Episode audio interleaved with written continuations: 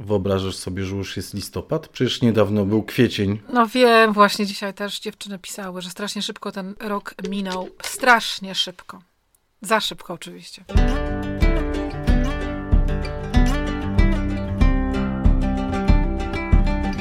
Naturalnie o ogrodach, odcinek 123.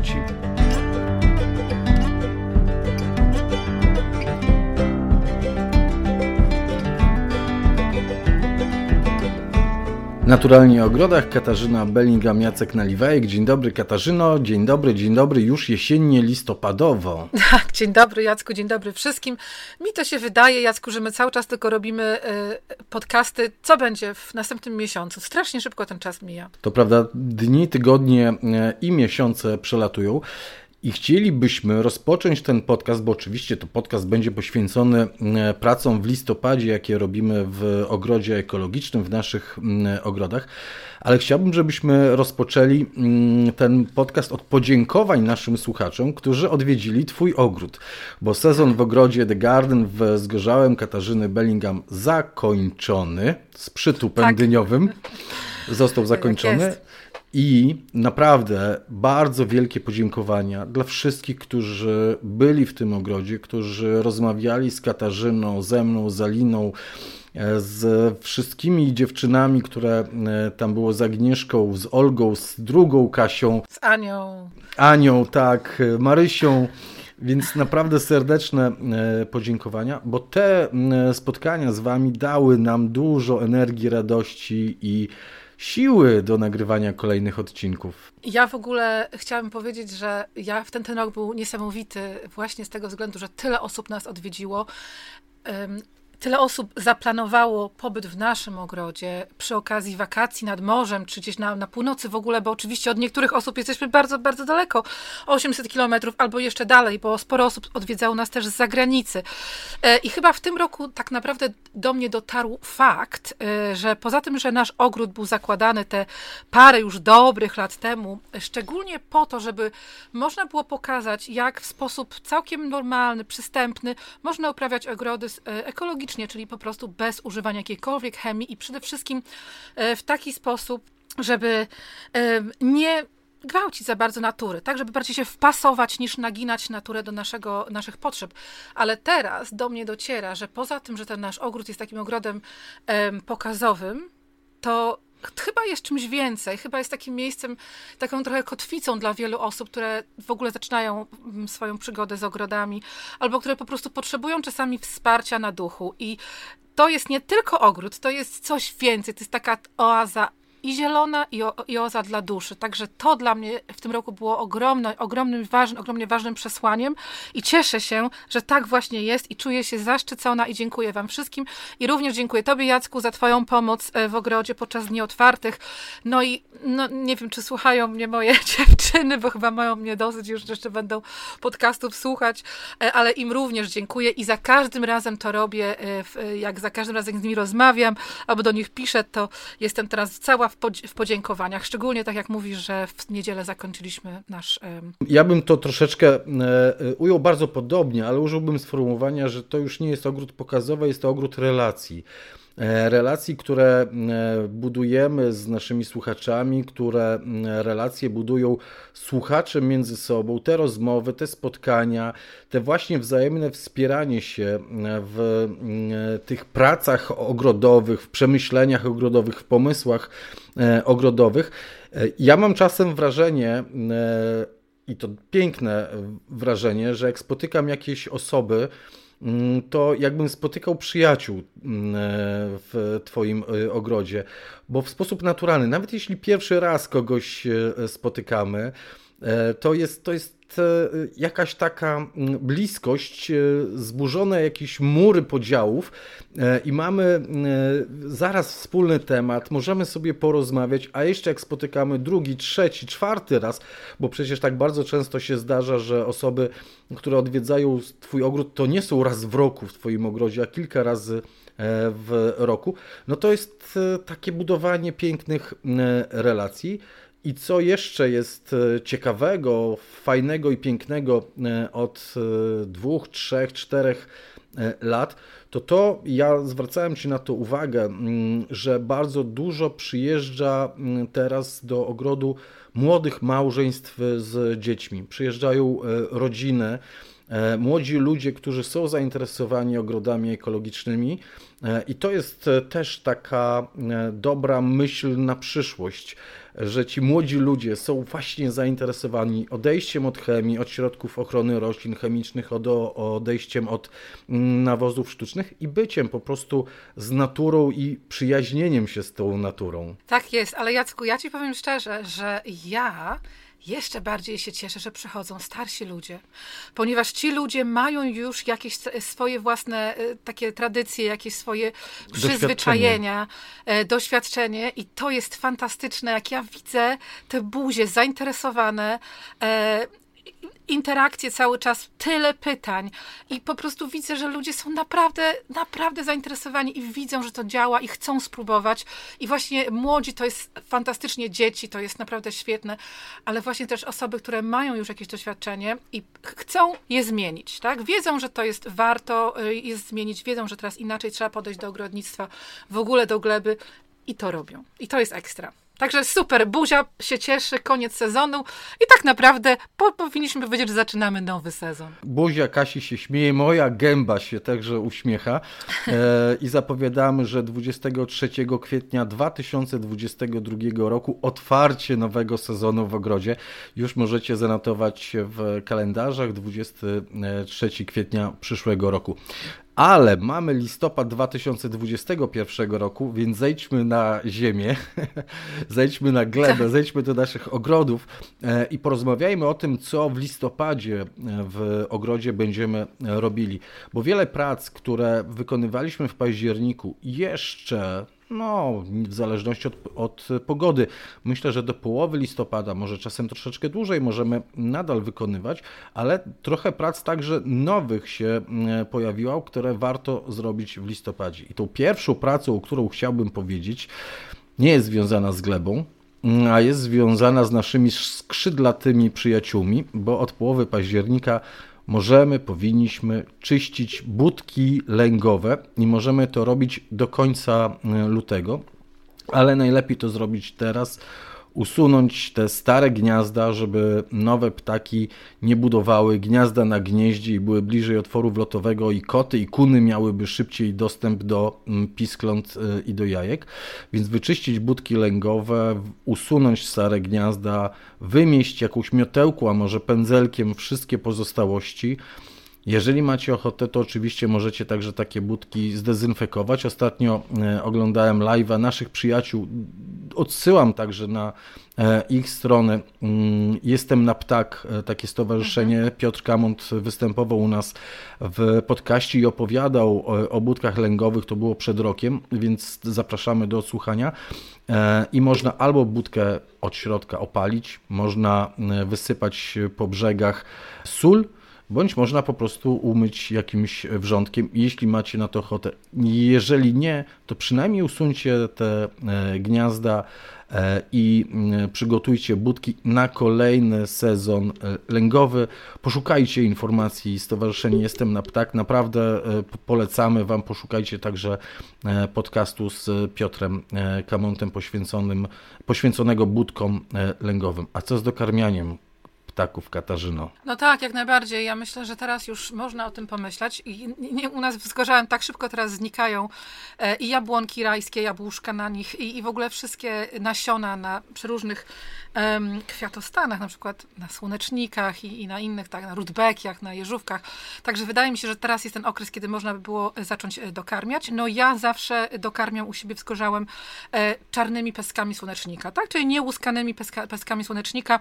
Ja tutaj w Anglii, w Toadpool nie dokarmiam ptaków z tego względu, że po pierwsze mam dookoła siebie oazę, gdzie mam po prostu miliony głogów, na których bardzo długo są e, owoce i one wiem, że z tego korzystają, ale właściwie szczególnie nie dokarmiam, ponieważ nie chcę ich do siebie zwabiać, bo mam kocury. E, no niestety jednego kocura, ale bardzo takiego e, walecznego i nie chcę tych ptaków tutaj potem widzieć w domu na, na, na, na, na, na, na podłodze, tak, zjedzonych. Także to o tym też pomyślcie, słuchajcie, że dokarmianie ptaków, budki lęgowe, to wszystko naprawdę warto mieć, ale bezpiecznie w bezpiecznym miejscu, jeżeli chodzi o ptaki, oczywiście nie o was, tylko o ptaki, dlatego że niestety, ale koty są, bardzo często krążą po e, Facebookach takie śmieszne zdjęcia, kiedy kot taki wielki, spasiony siedzi w budce. W karmniku albo na budce lęgowej. I, I, w ogóle po prostu na ciebie nie można zmieścić, bo jest taki tłuścioch. Także uważajcie na to i oczywiście te budki, ale to też e, i budki lęgowe i karmniki, to też w tych naszych programach o, e, w podcastach o ptakach są też jest powiedziane dokładnie na której stronie świata je wieszać, żeby było jak najlepiej i to tam też chodzi, jeżeli chodzi o bezpieczeństwo. Także u nas już są w gotowości bojowej pestki nieuskane czarne słonecznika i od tego miesiąca będziemy na pewno dokarmiać, aż do, no pewno do, do kwietnia, ja myślę, na pewno do końca kwietnia, bo u nas na Kaszubach e, kwiecień jeszcze jest bardzo taki cienki, jeżeli chodzi o, o jakiekolwiek jedzenie. Tak, ubogi. Przednówek tak zwany, jak już nie było Ubogi we wszystkie, i w liście, i we wszystko. Także niestety, ale to trzeba dopomagać. Wiadomo, że y, dopomagamy z tego, z tego względu, że no nie ktoś może powiedzieć, no ale, no ale zawsze ptaki jakoś sobie dawały radę. No ptaki sobie dawały radę, ale mamy po pierwsze zmiany klimatu, jest im ciężej z tego powodu, że zmienia się temperatura o różnych porach roku i inne ich robaczki na przykład nie są na czas e, tak dostępne, e, albo po prostu jest im ciężko przetrwać w niektórych warunkach atmosferycznych. No i dodatkowo jest taki problem, ogromny problem, że jest o wiele mniej miejsc, gdzie rosną rośliny, które nadają się dla ptaków do jedzenia, tak? Albo dla tych robaczków, które potem ptaszki będą na wiosnę jadły, bo ptaki mają różną dietę o różnych porach roku, to o tym też warto wiedzieć. I to szczególnie jest e, problemem na terenach e, zurbanizowanych, gdzie tak jest, jest, mało właśnie takich nieużytków, gdzie jest mało łąk, gdzie jest mało e, nasadzeń drzewnych, ale takich starodrzewi, że tam trochę próchnieje i w tym próchnie można sobie wydłubać jakieś robaczki. Ta urbanizacja niestety e, ptakom e, szkodzi, stąd e, zachęcamy do pomagania ptakom w naszym ogrodzie. Często to są ptaki, które u nas nie zostaną, bo nawet jak są sikorki, to te sikorki niekoniecznie muszą wiosną zostać w naszym ogrodzie. One mogą tak. polecieć na północ, bo one z północy przylatują często, bo tutaj jest troszeczkę cieplej niż na północy. Ale Katarzyno, wspomniałaś o liściach. No, listopad, nie? Więc teraz e, e, prosta e, rzecz. O liściach chciałbym, żebyśmy taki maleńki podrozdziałik zrobili. Oczywiście, gdzie zbierać, jak zbierać, jak je magazynować. W skrócie, jak zrobić ziemię liściową, bo jeśli ktoś jest dłużej zainteresowany ziemią liściową, to 26 odcinek naszego podcastu absolutnie poświęcone jest wyłącznie temu, jak zrobić ziemię liściową. Ale liście liście i jeszcze raz liście to jest listopad. Tak, tutaj nie ma wątpliwości, dlaczego ten miesiąc się tak nazywa. Liście spadają. Słuchajcie, liście są niesamowicie wartościowym materiałem dla ogrodnika. Jeżeli e, musicie je skądkolwiek zbierać, e, zgrabiać, to oczywiście są to ścieżki, no i e, również trawniki, ponieważ jeżeli na trawnikach zbierze się duża kupa liści, czy nawet mała kupa liści, ale zgniją i pod spodem może zgnić też trawa, także to nie warto sobie robić takiego problemu. I również warto jest zbierać liście z sadzawek, tak? Jeżeli macie staw, to w ogóle nie macie o czym, w ogóle nie ma o czym mówić, tak? To w ogóle się nie opłaca. Ale jeżeli macie sadzawkę taką, że możecie, że tak powiem, ogarnąć te liście, to też warto zbierać, bo one po prostu się będą gniły, będą zanieczyszczały tą sadzawkę. Także to jest to. Jeżeli te liście spadają na rabaty, na których rosną kwiaty, byliny, drzewa, krzewy, no to jeżeli was to strasznie nie denerwuje, tak, to błagam, zostawiajcie te liście na tych rabatach, ponieważ one się naturalnie i to szybciutko rozkładają, bo liście są bardzo cienkie i one fajnie się rozkładają na ziemi, e, dzięki temu, e, że oczywiście mikroorganizmy im pomagają w tym dosyć szybko. No i, e, a jeżeli przeszkadza wam to, no to, no to przykro mi, no, ale i tak warto było zostawić. Spróbujcie, żeby wam to nie przeszkadzało, chciała Katarzyna po prostu e, powiedzieć. Jakoś przyzwyczajcie się do widoku liści leżących na rabatach mm, ozdobnych, bo te liście rzeczywiście przerobią się na ściółkę mm, elegancką, taką, która będzie pomagała glebie. Mm, tam i tak. żyjątka, y, ty mówisz, ty mówisz o tych mikroorganizmach, ale nie tylko mikroorganizmy, bo te większe także żdżownice tak, czy tam inne żuczki to powciągają, a poza tym właśnie ptaki chodzą i przewracają liście. U mnie kosych biegają i przewracają liście i pod tymi liśćmi żyją takie maleńkie stworzonka, którymi one się żywią i to wspomaga właśnie także przetrwanie tych tak. ptaszków. Ja chciałam tylko powiedzieć, że wiecie, dużo jest mitów ogrodniczych. My tutaj czasami z Jackiem e, próbujemy obalić niektóre i jednym z takich mitów jest to, że jeżeli zostawiacie na, na, na rabatach ozdobnych pośród bylin liście, to potem te liście gniją i sprawiają, że wasze byliny gniją. Słuchajcie, to jest totalna bzdura. I w ogóle w to nie wierzcie. Wcale nie jest spowodowane to, że wasze rośliny gniją, tym, że zostaną na rabatach liście, ponieważ te liście to, to, to jest lekki materiał. To nie jest jakiś ciężki obornik prosto ze stodoły.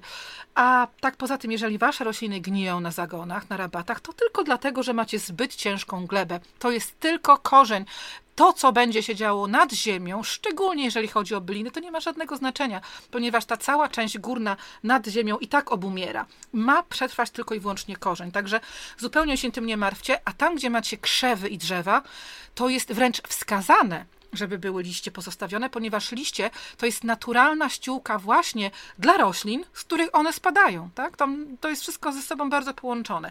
Także pamiętajcie o tym, że zbierajcie liście tylko z miejsc, gdzie naprawdę mogą stanowić problem, tak jak mm, podjazdy, chodniki, tak jak mówię, trawniki. I nie grabcie, nie zachęcamy do grabienia, do ciężkiej pracy. Włączcie mm, kosiarkę i zbierzcie po prostu kosiarką tak do kosza. Przy okazji przemielicie te liście, rozdrobnicie i one będą jeszcze, jeszcze szybciej się e, rozkładało i można e, takie liście, broń Boże, wyrzucać, koniecznie wykorzystać w swoim e, ogrodzie na dwa sposoby.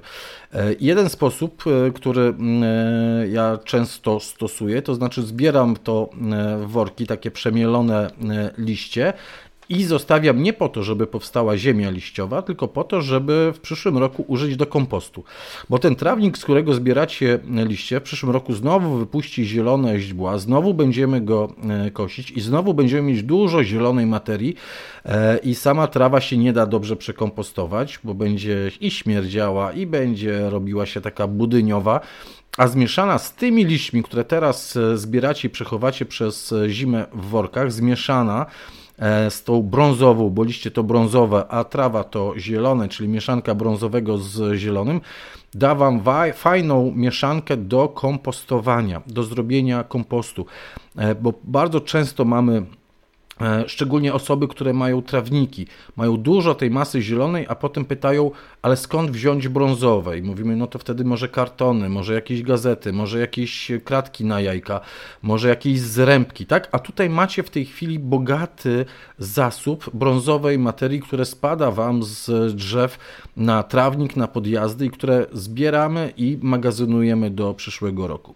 Drugim sposobem jest zrobienie ziemi e, liściowej i Katarzyno, ziemia liściowa to jest twój po prostu konik.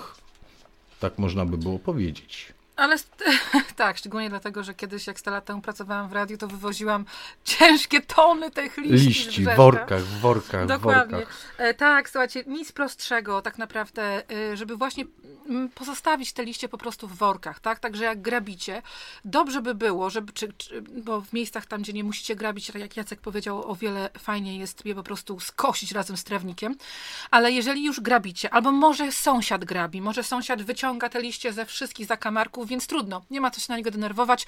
Trzeba po prostu swoim przykładem pokazać, jak można to wspaniale wykorzystać. Bierzcie od niego te liście.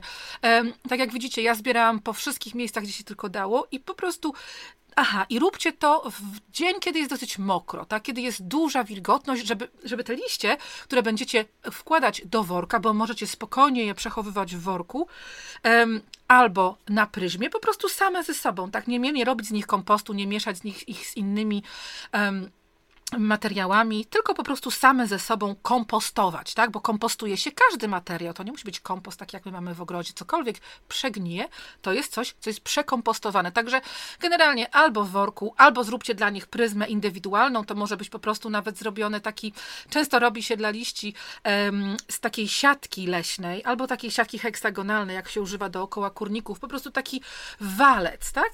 E, I, i przymocuje się ten walec oczywiście do ziemi za pomocą palików. To jest bardzo prosty sposób.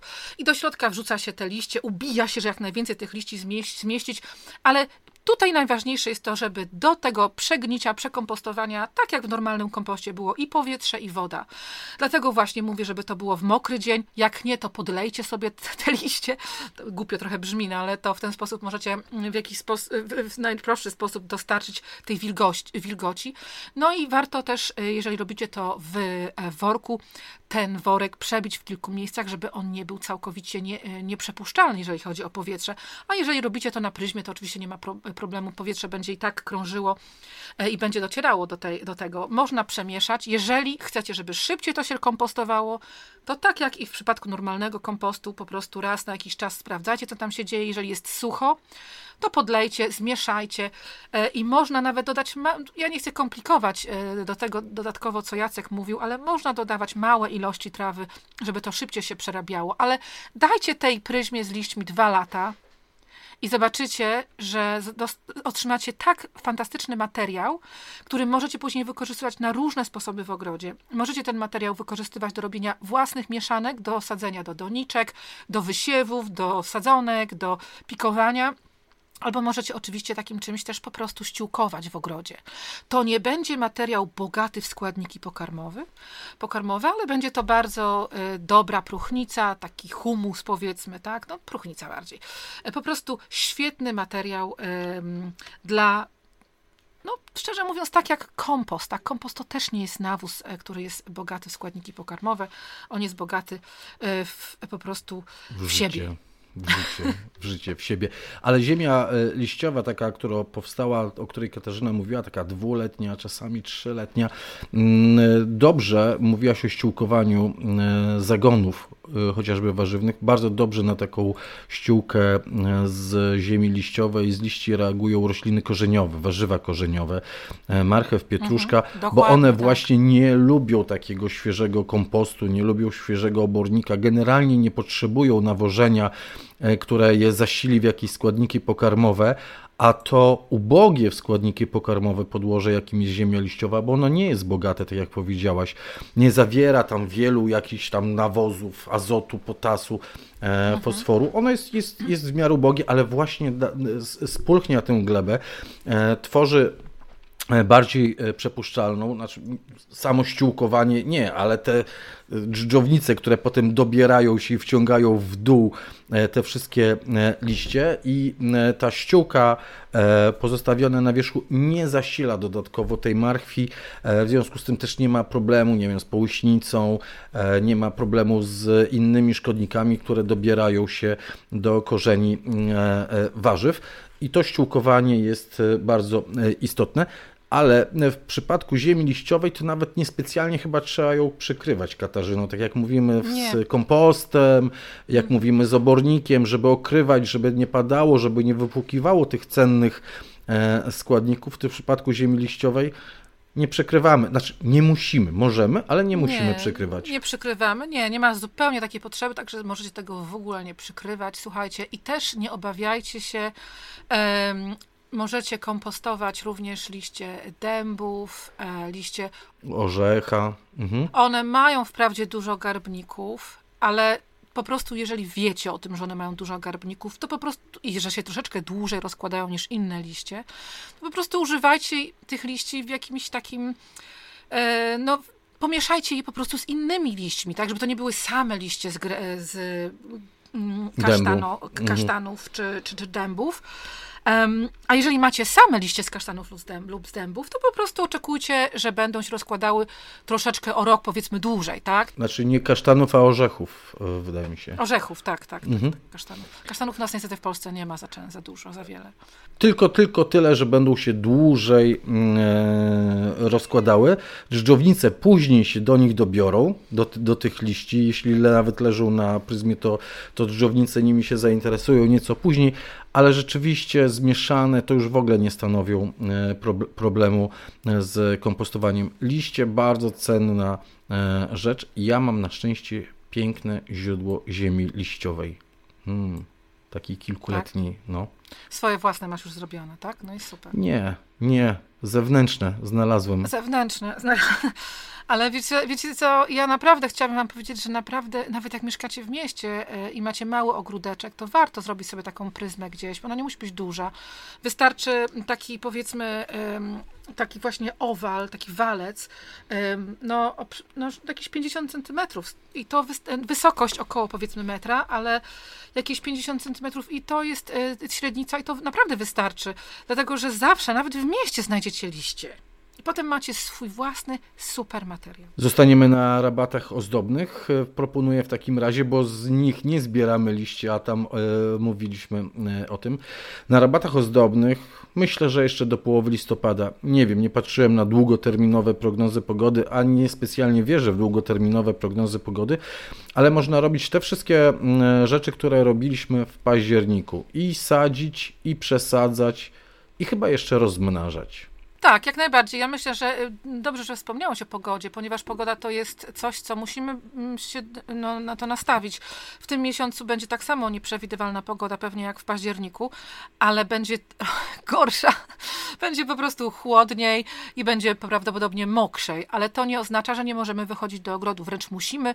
Jest to dobre dla naszego zdrowia i to jest to dobre też to dla ogrodu, ponieważ teraz jest dużo, dużo prac właśnie w ogrodzie ozdobnym. Więcej na pewno w ogrodzie ozdobnym, podejrzewam, niż w ogrodzie e, takim jadalnym, ale, ale pamiętajmy, może zanim w ogóle wyjdziemy z tych liści do ogrodu, pamiętajmy o jednej bardzo ważnej rzeczy. Teraz musimy już e, bardziej uważać, jak chodzimy po ogrodzie ponieważ jeżeli jest mokro, to nie stąpajmy po glebie. Nie łaśmy, nawet i po trawniku nie łaśmy, nawet tam, gdzie rośnie trawa, tak?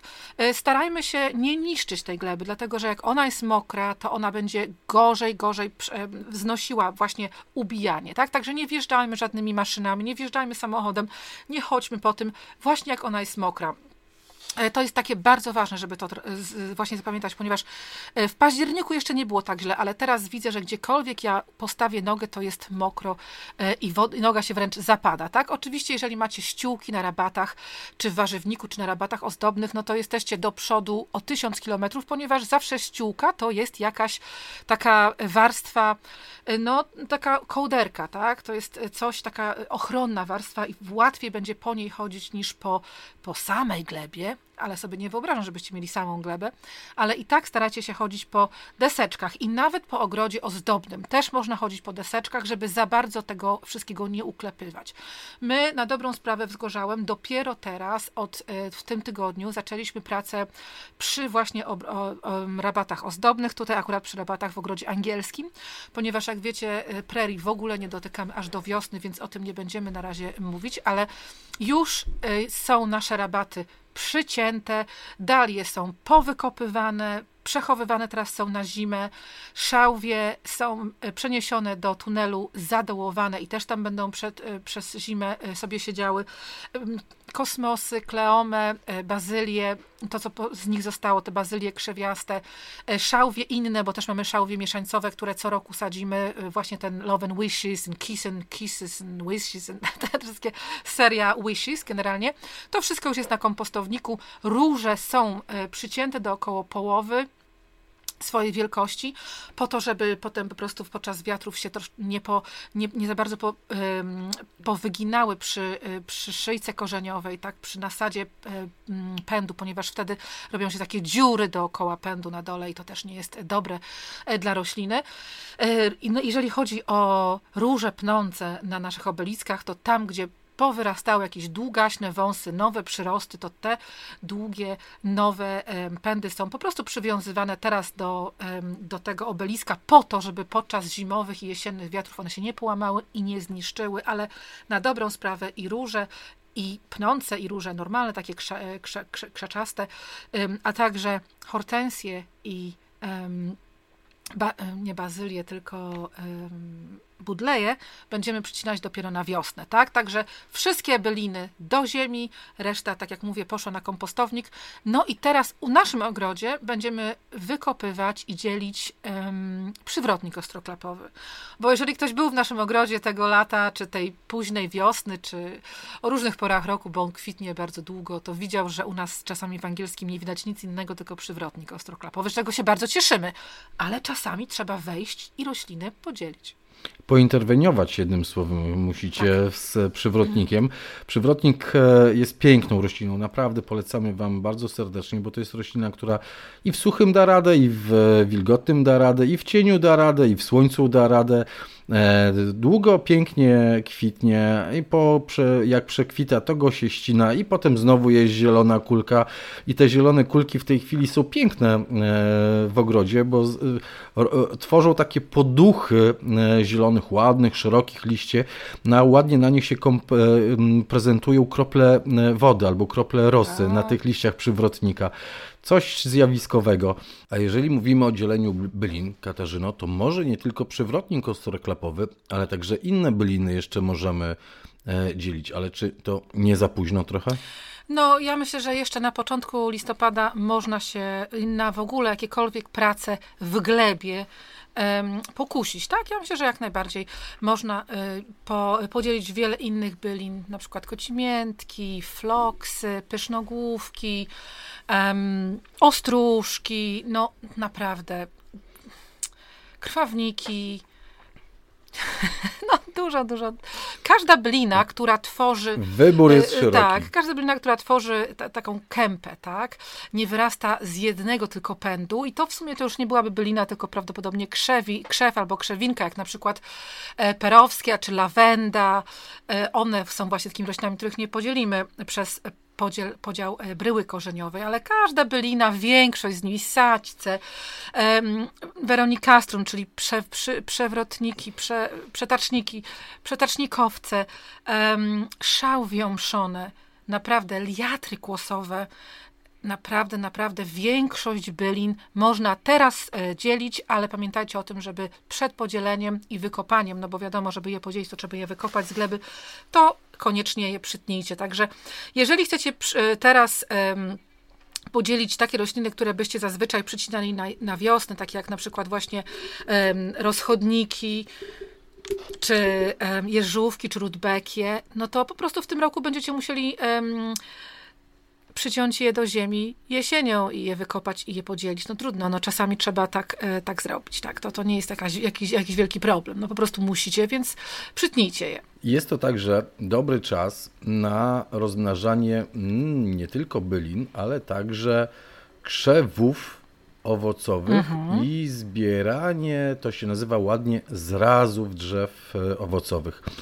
E, te zrazy drzew owocowych, te, które chcemy szczepić, e, bo mamy jakieś fajne odmiany, które chcemy zaszczepić na jakiejś podkładce e, innej, to zbieramy i w tej chwili przechowujemy przez zimę w jakimś wilgotnym piasku, żeby one nie przeschły, ale zachęcamy Was do rozmnażania mm, krzewów owocowych, szczególnie porzeczek. Jeśli macie dobre, fajne odmiany porzeczek i chcecie się podzielić tymi e, odmianami z sąsiadami, ze znajomymi, to teraz właśnie, kiedy już e, stanęła wegetacja e, tych krzewów, ścinamy takie mm, krzewy na pewnie z pięć węzłów, bym tak policzył, na pięć oczek. Na pięć oczek, o to chyba lepiej brzmi niż węzły i bardziej prawidłowo.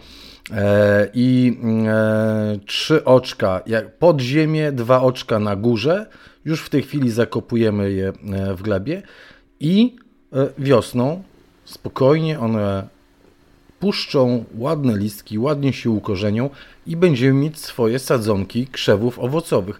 Zresztą nie tylko krzewy owocowe, bo tak można rozmnażać wiele e, innych krzewów, nie wiem, forsycje chociażby, budleje, wydaje mi się, że też tak można spokojnie rozmnażać, derenie tak można rozmnażać jasny, prosty, czytelny i szybki i skuteczny sposób. E, tak, i na przykład też um, bezczarny jak najbardziej. I te bzy czarne, ozdobne, tak. o ozdobnych liściach, czy o złotych liściach, czy o tych takich liściach koronkowych, że tak powiem, to wszystko też można teraz robić. One świetnie się rozmnażają i bardzo szybko potem bardzo ładnie rosną. Także jak najbardziej teraz jest dobry czas na robienie właśnie tych, um, tych sadzonych, tylko też warto się trzymać jakichś tam e, no, ja myślę, że przy sadzonkowaniu też warto się trzymać jakiś fa faz księżyca, nie robić tego przy zaćmieniach, e, przy pełniach, przy jakichś innych strasznych rzeczach, tylko wtedy, kiedy jest albo kwadra korzenia, albo liścia, albo owocu ewentualnie,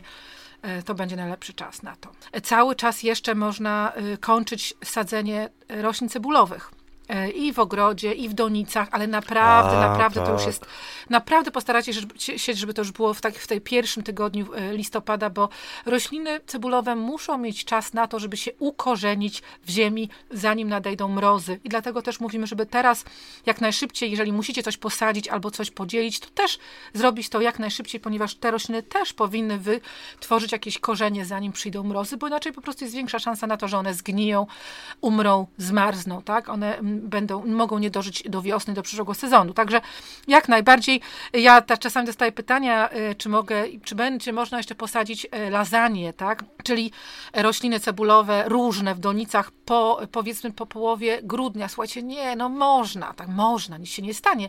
Świat się nie zawali, ale po prostu jest ogromna wtedy możliwość, że one y, umrą, zgniją, nie, dojrzą, nie, nie dojdą do wiosny. Także jeżeli możecie, to sadźcie je teraz, ostatni tydzień, i, I to już jest końcówka. Ale jak najbardziej teraz jest dobry czas na to, żeby sadzić rośliny cebulowe do donic do domu. Już mówiliśmy o tym w zeszłym miesiącu w podcastach. Ja powtórzę, dlatego że to jest fajny temat i e, to jest taka możliwość przyniesienia koloru i kwiatów i również super pięknego zapachu do domu, do wnętrz. E, sadźcie teraz narcyzy Paper White. E, niektórzy znają je jako narcyzy Ziva. To jest dokładnie ta sama roślina. To są narcyzy, które bardzo szybko rosną. One będą w przeciągu dwóch miesięcy pięknie kwitły w waszych mieszkaniach czy domach i będą bardzo ładnie pachniały. Również w domu możecie sadzić E, w ten sam sposób jak narcyzy, e, to i hiacynty, tylko hiacynty potrzebują troszeczkę więcej czasu na to, żeby zakwitnąć, ale też zakwitną, jeżeli posadzicie je teraz, takie podpędzone narcy- e, to zakwitną od świąt Bożego Narodzenia do świąt wielkanocnych, tak, w zależności kiedy będziecie je sadzić, ale warto je sadzić co kilka tygodni, tak, kolejną partię, żeby cały czas mieć w późną zimą i wczesną wiosną jakieś kolory i zapachy w domu. No i amaryllisy, czyli hipeastrum, ja wiem, że uwielbiacie te rośliny, warto mieć, e, kupić sobie co roku powiedzmy jedną cebulę, żeby dokładać do swojej kolekcji hipeastrum. Hipeastrum i amaryllis to jest dokładnie ta sama roślina, tylko ma inne, znana jest pod dwoma różnymi nazwami. I teraz, jeżeli posadzicie te amaryllisy, to jest możliwość, że one zakwitną na święta e, Bożego Narodzenia. Także rośliny cebulowe sadzimy i w ogrodzie, i również w domu e, do ozdoby na święta i na wiosnę. No ale skoro sadzimy rośliny cebulowe w ogrodzie, to może także sadzimy jeszcze, jeszcze w ostatnie dni, ostatni dzwonek, jak to ładnie mówisz, Czosnek na zagonach e, warzywnych. Tak, słuchajcie, jak najbardziej. I czosnek, e, i ja chciałabym zaznaczyć, bo wiem, że sporo osób słucha nas, e, nas również z Anglii. I jeżeli chodzi o Anglię, to spokojnie możecie sadzić rośliny cebulowe do połowy grudnia. I w ogrodzie ozdobnym, i jeżeli chodzi o czosnek, tak? Bo tutaj jest inny klimat. Tutaj, słuchajcie, na południe i na zachód od Londynu to wręcz jest aż tak ciepło, że nie wykopuje się dali tak, no to wyobraźcie sobie, jaka to jest, jaka to jest różnica. Tam się dalie tylko i wyłącznie ściółkuje grubym, ta, grubą taką warstwę, warstwą kompostu, także e, to, to specjalnie dla tych, którzy mieszkają w takich rejonach cieplejszych, ale ogólnie Czosnek też już kończmy teraz, e, jeszcze, jeszcze, tak jak mówię, ostatni dzwonek. No i jeżeli chodzi o ogród warzywny, to coś ekscytującego dla kilku osób, które do mnie pisało, się dzieje w listopadzie, czyli ta możliwość wysiewania e, nasion. No, Markwi i Tak, pietruszki. jak to się mówi po polsku ładnie, o zimach, czy, czy, czy Wiesz co, no tak, no taki, takie o zimę, bo to jest właśnie teraz, ten listopad, ale trafiłaś, po prostu miałem to... No bo jesteśmy w warzywniku, no to nic więcej nie mogę powiedzieć ciekawego. Że ten listopad to jest taki okres, w którym właśnie można wysiewać marchew, można e, wysiewać e, pietruszkę, która wiosną, gdy tylko puszczą śniegi, gdy troszeczkę ogrzeje się gleba, zacznie kiełkować. Bo pietruszka i marchew wysiana teraz nie może skiełkować przed zimą. Podejrzewam, że pasternak też można. O, pasternak. Ten czarnowąż mord, węży mord. te wszystkie korzeniowe, prawda? Oprócz selera. I buraka. One nie mogą skiełkować przed zimą, bo jeśli skiełkują, to wymarzną. Dlatego te nasiona leżą w glebie przez tę chłodną część roku i dopiero, jak powiedziałem, gdy gleba się troszeczkę ogrzeje, one wtedy kiełkują i to jest taka przyspieszona uprawa marchwi, pietruszki, Mówisz e, pasternaku, nie próbowałem z pasternakiem, ale pewnie tak, bo tym bardziej, że pasternak bardzo długo kiełkuje, więc może rzeczywiście fajnie go wysiać e, teraz e, jesienią. Ale to jest właśnie ta metoda właśnie takiego oziminy, takiej siewu zimowego. Mówisz, że dostawałaś zapytania. No, warto spróbować. To stara, sprawdzona metoda. Tak, to jest stara, sprawdzona metoda w Polsce, jak najbardziej na nasz polski klimat, e, szczególnie na nasz polski klimat, bo nie wiem, czy w Anglii tutaj akurat w tym momencie ta łagodna zima nie będzie przeszkodą do takich wysiewów, ale e, dokładnie, ale słuchajcie, ogólnie to, jest, e, to są takie rośliny akurat, pasternak, marchew, które kiełkują, kiedy ziemia jest chłodniejsza niż musi być dla innych warzyw, tak? Także trzy 2, 3, 4 stopnie i one na wiosnę zaczną już kiełkować i to jest fajne, ponieważ one będą pobierały e, wodę, która jest po prostu po roztopach, po wilgoci zimowej i tak naprawdę to e, jest takie bardzo naturalne, tak? Jeżeli są jakieś zawirowania pogodowe, że nie ma śniegu i to wiadomo, jest sucho, to jest co innego, to trzeba by było wiosną to podlać, żeby im było lepiej, ale e, powinno teoretycznie, no taki był pomysł, żeby nie tylko one wcześniej kiełkowały, ale również, żeby właśnie one korzystały z tej naturalnej zawartości zawartości wilgoci po zimie w glebie. Taki był zamysł tych, tych właśnie upraw takich um, ozimych. Ale mając e, warzywnik, to myślę, że wielu z naszych słuchaczy zbiera jeszcze plony, bo i brukselka, i jarmuż, i por, i sałaty e, świetnie w gruncie jeszcze się trzymają. Przynajmniej u mnie w ogrodzie e, sałaty świetnie się trzymają. Te niewielkie przymrozki, jakie przechodziły, e, nie załatwiły sałat. One ładnie zamarzły, ale potem w promieniach słońca powoli, Odmarzły. powoli rozmarzły i, i, i, super, e, super się czują. Sporo warzyw e, takich głównie liściowych mm, uprawia się jeszcze e, w szklarni. Tak jest. I to są, to są piękne, długie plony i w zależności od tego, jaka będzie zima, no to nawet, nawet, nawet do kiedy? Może nawet do końca grudnia, jakby mrozy nie przyszły jakieś bardzo silne to będziecie z, z, takich małych szklarenek, nie mówię o Twoim tunelu pięknym, ciepłym, wspaniałym, ale z takich zwykłych szklarenek e, zbierać będzie może naprawdę jeszcze przez e, dwa, może miesiące, listopad i grudzień. Oby, oby, mm, ale to jest właśnie przedłużenie sezonu. Pamiętajcie także, że jeśli macie uprawy w gruncie, to korzystajcie z agrowłókniny wiosennej. Tak jeżeli są sałaty, jeżeli są E, nie wiem, cykoria może jeszcze e, liściowa Szpinak, po, posadzona. Szpinaki, koperki, Kapustne, tak. No tak, późne, późne kapusty albo te chińszczyzny. Mhm. To warto jest okryć agrowłókniną, bo to przedłuży sezon. Jeśli używamy agrowłókniny wiosną, po to, żeby chronić się przed przymrozkami, żeby chronić się przed chłodnym wiatrem, to równie dobrze tę wiosenną agrowłókninę możemy używać jesienią okrywając nasze mm, rośliny właśnie przed tym samym, przed przymrozkami, przed chłodnym e, wiatrem. Więc ta agrowłóknina w pogotowiu cały czas, albo już założona na e, zagonach e, i tunelki. To, co zawsze mi się podoba w ogrodzie angielskim, to on, że prawie cały rok jest czymś okryty. Ten warzywnik tak. taki, nie? Że, że cały czas albo agrowłóknina, albo siatki jakieś na motyle, na owady, ale zawsze coś tam, coś tam. E, nigdy nie leży tak, nigdy nie leży taki goły odłogiem. Słuchajcie, jak najbardziej osoby, które mieszkają w cieplejszych częściach Europy, e, w Anglii, czy w Irlandii, czy gdzieś tam gdzieś indziej, to też mogą skorzystać z tego, że tak naprawdę zimą bardzo wiele warzyw. To wszystko, Jacku, co ty teraz wy, wymieniłeś, to wszystko spokojnie przeżywa przymrozki i spokojnie będzie mogło być nawet przy minus 7, 8 stopni, 9 nawet, bo bardzo ładnie tutaj szpinak przeżył w zeszłym roku, rukola na zewnątrz, niczym nie przykryte tutaj w Toadpool, ja mówię. Ale ja obecnie mam właściwie e, prawie, że wszystkie rabaty w warzywniku całkowicie jeszcze wykorzystane. Mam i, i sałaty, tak jak mówisz, i różne i kapusty już na przyszły rok, i kalafiory. E, oczywiście wszystko jest przykryte. U mnie problem jest nie tylko z chłodem, ale też z wiatrem. My mamy bardzo mocne wiatry tutaj.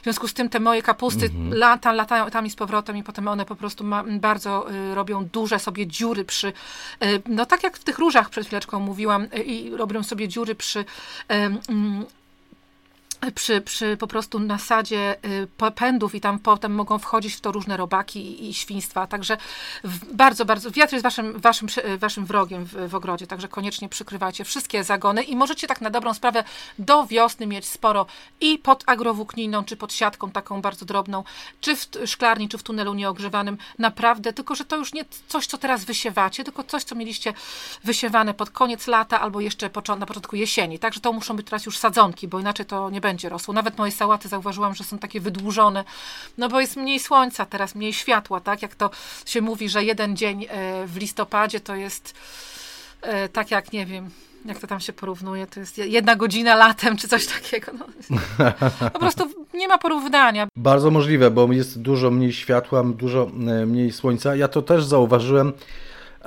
bo takim przebojem w moim ogrodzie w tym roku była sałata New Red Fire. Ja ją sprowadziłem, te nasiona jeszcze przed Brexitem. Brexitem. Tak. Udało mi się.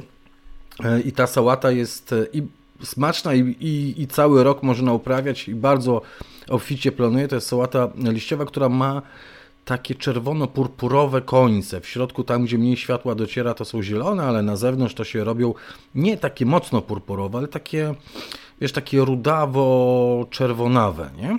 E, końcówki, wybarwia się. No to ta, która w tej chwili e, rośnie jeszcze na zagonie, która wcześniej była posadzona i, i teraz dogorywa, znaczy ostatnie listki e, z niej zbieram to jest właśnie pięknie wybarwiona, a sałata, która rośnie w szklarni, która była posadzona przed miesiącem, jest całkiem zielona, więc to nie jest zupełnie New Red Fire. W ogóle tam ognia nie ma, wiesz, ani, ani żadnego, no e, żadnej czerwieni. Jest po prostu zielona, bo za mało jest światła e, i e, nie wybarwia się, tak? No ale jest, ale jest sałata, więc to jest mm, już dużo. Pamiętajcie także chyba Katarzyno, to trzeba powiedzieć, że jeśli nie zdążyliście, to wyściółkujcie swoje Jak zagody. Nie zostawiajcie tak. gleby, nie zostawiajcie gleby gołej na zimę. Jeszcze można ściółkować y, przez dłuższy czas, tak na dobrą sprawę. Y, teraz gleba jest cały czas bardzo ciepła, po lecie. W niej są duże zasoby, zasoby tego ciepła. W związku z tym spokojnie możecie cały czas ściółkować. Ja bym powiedziała, że nawet do połowy grudnia. Także jak może jeszcze wróćmy szybciutko na sekundę do tego, jak um, mówiliśmy o rabatach tych w angielskim, w angielskim ogrodzie, tak? Mhm. Teraz słuchajcie, um, warto jest po przycięciu je obsadzić porządnie roślinami cebulowymi. W naszym przypadku to będą, e, w naszym przypadku to będą tulipany.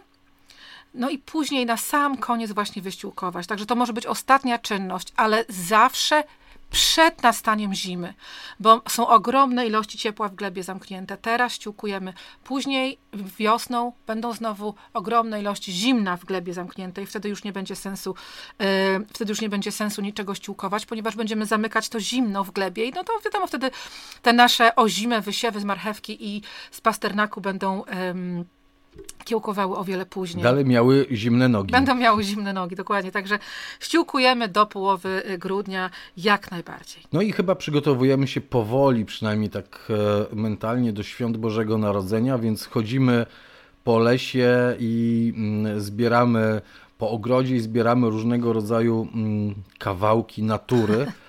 E, I bardzo liczę, że jakieś warsztaty wiankowe, bożonarodzeniowe także nam tutaj w internecie zrobisz i pokażesz, jak hmm. zrobić jakieś fajne wieńce adwentowe. Bardzo Cię zachęcam, Katarzyno, do takiego vloga, żebyś zrobiła. Wiem, że teraz zakładasz rabatę preriową, więc też bardzo liczę e, na film z zakładania rabaty e, preriowej tam w Tatpool, ale także bardzo chciałbym zobaczyć takie twój, twojego vloga z zrobieniem takim prostym, dla takiego prostego człowieka jak ja, e, wytłumaczeniem, jak zrobić wieniec e, adwentowy z tego, co jest pod ręką, z tego, co jest w ogrodzie, to z tego, co jest w okolicy. Tak, i słuchajcie, takie są najpiękniejsze. Oczywiście na pewno coś takiego zrobię, chociaż chciałam zrobić jesienne, ale już mi ta jesień ucieka, zaraz będzie grudzień, a jednak adwentowy to oznacza cztery tygodnie wcześniej, więc na pewno to musiało być jeszcze w listopadzie i będzie, a, y, a też tak mm, notabene zapraszam do naszego ogrodu 20 muszę sprawdzić, ponieważ żeby tutaj nie powiedzieć jakiejś niewłaściwej daty, ale wiem, że w listopadzie w naszym ogrodzie 27 i 28 będą bożonarodzeniowe warsztaty wiankowe i właśnie będziemy robić te, te wianki, które mogą być również wiankami adwentowymi, które można po prostu położyć na stół, a nie powiedzieć na, na, na drzwi. Pamiętacie, że wianek ma dużo różnych zastosowań, to jest dlatego takie fajne, dlatego wianki są takie super. Ale cokolwiek, y, czy nasze warsztaty, czy u siebie w domu, naprawdę słuchajcie, żaden plastik, żadne um, rzeczy, które, jakieś bajery, które jadą do nas nie wiadomo skąd. E, jeżeli możecie, to postarajcie się po prostu używać to, co macie pod ręką, a uwierzcie mi, że to napięknie wygląda. No, można na przykład opryskać e, sprayem, który wiadomo, nie jest jakiś tam super ekologiczny, ale na pewno byłoby fajnie zrobić swoje własne ozdoby, na przykład opryskać sprayem mikołajki, zaschnięte kwiatostany, e, hortensje. Dużo jest pięknych kwiatostanów, które teraz są martwe, ale nadal bardzo ozdobne. E, przecież to też można jakoś wykorzystać, albo po prostu niczym nie opryskać, tylko mieć taki naturalny wianek. Tak? Także dziękuję, że poruszyłeś ten temat. E, naturalne jest piękne. To co mam teraz iść zbierać, jak tylko będzie trochę na przykład szyszki, czasu w ciągu dnia? Szyszki z modrzewia, mhm. szyszeczki z, z olchy, one mają takie, olchy mają takie ładne, malutkie, czarne szyszeczki. Maleńkie. E, dokładnie, także różnej wielkości szyszki, oczywiście z, z, z sosny. już można zbierać jakieś igliwie, jakieś gałązki jodły.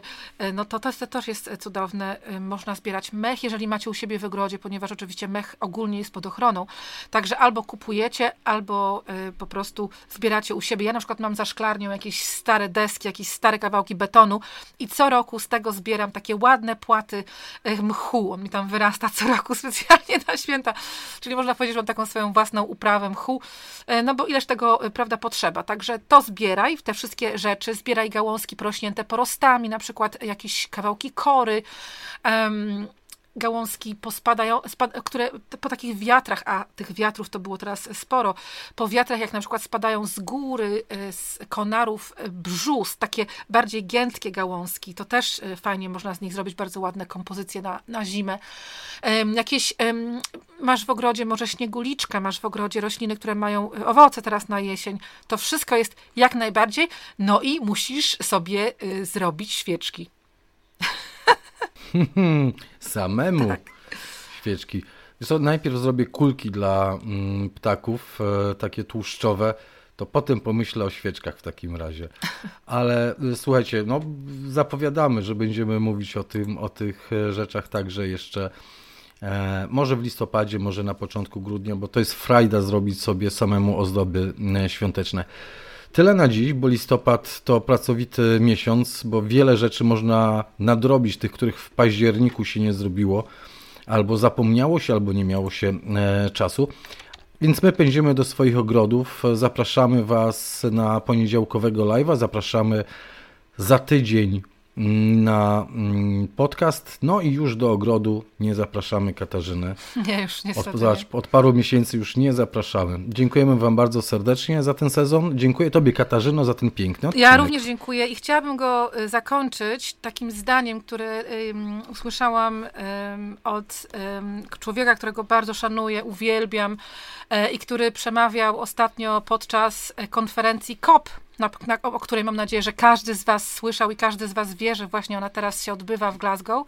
E, Sir David Attenborough powiedział coś bardzo, bardzo pięknego, co mnie wzruszyło, ale zgadzam się z nim w tysiąc procent, w tysiącu procentach. David Attenborough oczywiście to jest człowiek, który już ma e, swoje lata i powiedział tak, że za jego życia on widział zniszczenie e, ekosystemów, zniszczenie planety, a my za naszego życia zobaczymy odrodzenie i powrót do życia. I ja w to wierzę i to jest piękne i właśnie tym chciałam zakończyć dzisiejszy, e, dzisiejszy podcast. Wzruszyłem się. Pozdrawiam Ciebie serdecznie. Dziękuję. Do zobaczenia. Ja również. Do zobaczenia. Pa, pa.